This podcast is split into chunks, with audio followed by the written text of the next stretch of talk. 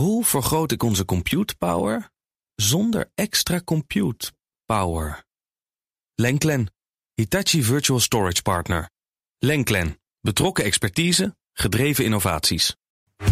Tech Update. En dus voor Stijn Roosens. Stijn, goedemorgen. Dag, hallo. De beruchte hackersgroep Lockbit is aangepakt door internationale veiligheidsdiensten. Ja, daar lijkt het wel op, want sinds gisteravond laat is de website van Lockbit overgenomen door de Britse veiligheidsdiensten. En daarvoor is nauw samengewerkt met uh, politiediensten in elf andere landen, waaronder de FBI in Amerika, maar ook in Nederland politiediensten onder het mom van operatie Kronos.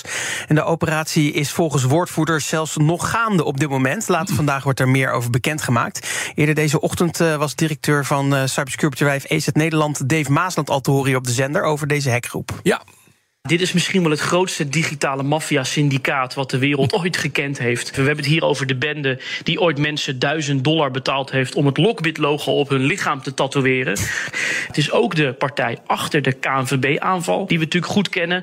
En ja, hiermee lijkt Amerika voorop toch te hebben gezegd: en nu is het klaar. Alleen de vraag is natuurlijk: hebben ze alleen de websites in handen? Hebben ze de hele criminele infrastructuur kapot gemaakt? Ja, dat weten we dus allemaal nog niet. Er is nog niet zo heel veel bekend over de politieactie. Alleen dat dus die website op het dark web in beslag genomen is. Uh, het is een site trouwens waaronder meer de namen van slachtoffers werden gepubliceerd als ze niet op tijd betaalden. Uh, er zijn ook nog wel andere websites van Lockbit, maar die zijn niet aangetast. En volgens de hackgroep zelf zijn er dan nog wel backups en andere data die niet afgenomen zijn. En de veiligheidsdiensten zelf die hebben dan weer zeggen dat ze weer belangrijke informatie verkregen hebben. Hm. Uh, ze geven aan bijvoorbeeld dat ze broncode, details van slachtoffers en hoeveel er geld dan is afgeperst en gestolen. Okay. Geven allemaal beschikbaar. Uh, Echt nu. veel binnen dus. Ja, en het leuke is, ze hebben ook nog een berichtje op de website geplaatst met uh, ja, deze website was zo slecht beveiligd dat we er gewoon gemakkelijk doorheen gekomen zijn. Het is een beetje een tik op het ego van de hackers. Dat wil je ja. natuurlijk niet Au. graag horen. Ja, nee, inderdaad. zeker. Dan investeert Microsoft niet alleen in Duitsland, maar ook in Spanje voor een eigen AI-infrastructuur. Ja, afgelopen donderdag werd al bekend dat Microsoft voor 3,2 miljard euro investeert in Duitsland. Uh, voor de bouw van datacenters en uh, ook de opleiding van zo'n 1,2 miljoen mensen die uh, op het gebied van AI en cloud-infrastructuur extra kunnen bijleren. daarvoor bracht Microsoft-topman Brad Smith een speciaal bezoekje aan Duitsland, aan bondskanselier Olaf Scholz in, in Duitsland. En daarna is hij doorgevlogen naar, de, naar Spanje om daar op de koffie te gaan met de Spaanse premier Pedro Sanchez. Hmm. want afgelopen nacht hebben ze bekendgemaakt dat uh, daar zo'n uh, 1,95 miljard euro opgehoest gaat worden om geïnvesteerd te, uh, te worden in Spanje. En ook daar op het gebied van AI-infrastructuur. Dat heeft Microsoft natuurlijk hard nodig om ook te voldoen aan de EU-wetgeving. Alles moet natuurlijk op, Nederland, ja. of, op Europese datacenters.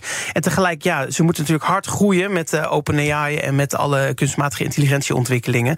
En dan moet je ook blijven investeren. Ja, investeren en expanderen. Dat was afgelopen zondagavond de drukste dag op internet in Nederland ooit. Ja, waar was jij toen het gebeurde? Ik was in mijn schuur aan mijn auto aan het sleutelen. Jij, jij hebt niet mee, mee, mee ik zat niet, aan, was er een event? Nou, er was geen event. Sterker nog, het was een regenachtige zondagavond. Ja. En toch hebben we een record. Maar liefst 12 terabit per seconde aan data ging oh, over het internet. Veel, uh, in Nederland, langs de Amsterdamse Internet Exchange. Dat is het knooppunt in Nederland uh, waar al het dataverkeer langskomt. En volgens die uh, Internet Exchange was dan ook dat weer, dat regenachtige weer... een van de redenen dat het zo, zo omhoog ging. Ja. de vorige record komt uit oktober 2022. Mhm. En uh, toen was het 11 terabit aan data per seconde. Meevallen 11 terabit, dat is dus 11.000 gigabit per ja, seconde. staat ongeveer gelijk aan uh, 6,4 miljoen tegelijk uh, mens, mensen die tegelijk TikTokken. of uh, 100 Ja. miljoen, uh, miljoen mensen die tegelijk Fortnite spelen.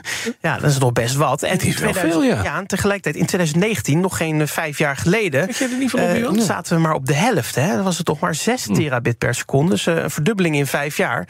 Dat is best wat. Ja. Uh, en uh, het leuke is, in, uh, ze hebben nog een ander feest te vieren, de Internet Exchange. Ze bestaan namelijk dit jaar ook nog eens 30 jaar, 1934. Oh, Oh, dus dat praat dit. Een Nou, jubileumjaar. Nou ja, dat kunnen ze dan elk jaar doen. Want het, oktober 2022 uh, hadden ze 11 terabit. Uh, ja, het blijft een records verbreken. Ik verwacht volgend jaar uh, gewoon weer een nieuw record. Ja, het wordt vast niet minder inderdaad. nee, dat denk ik ook niet. Ik ook. Dankjewel, Stijn Roosend. De BNR Tech Update wordt mede mogelijk gemaakt door Lenklen. Lenklen. Betrokken expertise, gedreven innovaties. Hoe maak ik van ons VMware-platform een on-prem AI-platform? Lenklen. NVIDIA AI Enterprise Partner. Lenklen, betrokken expertise, gedreven innovaties.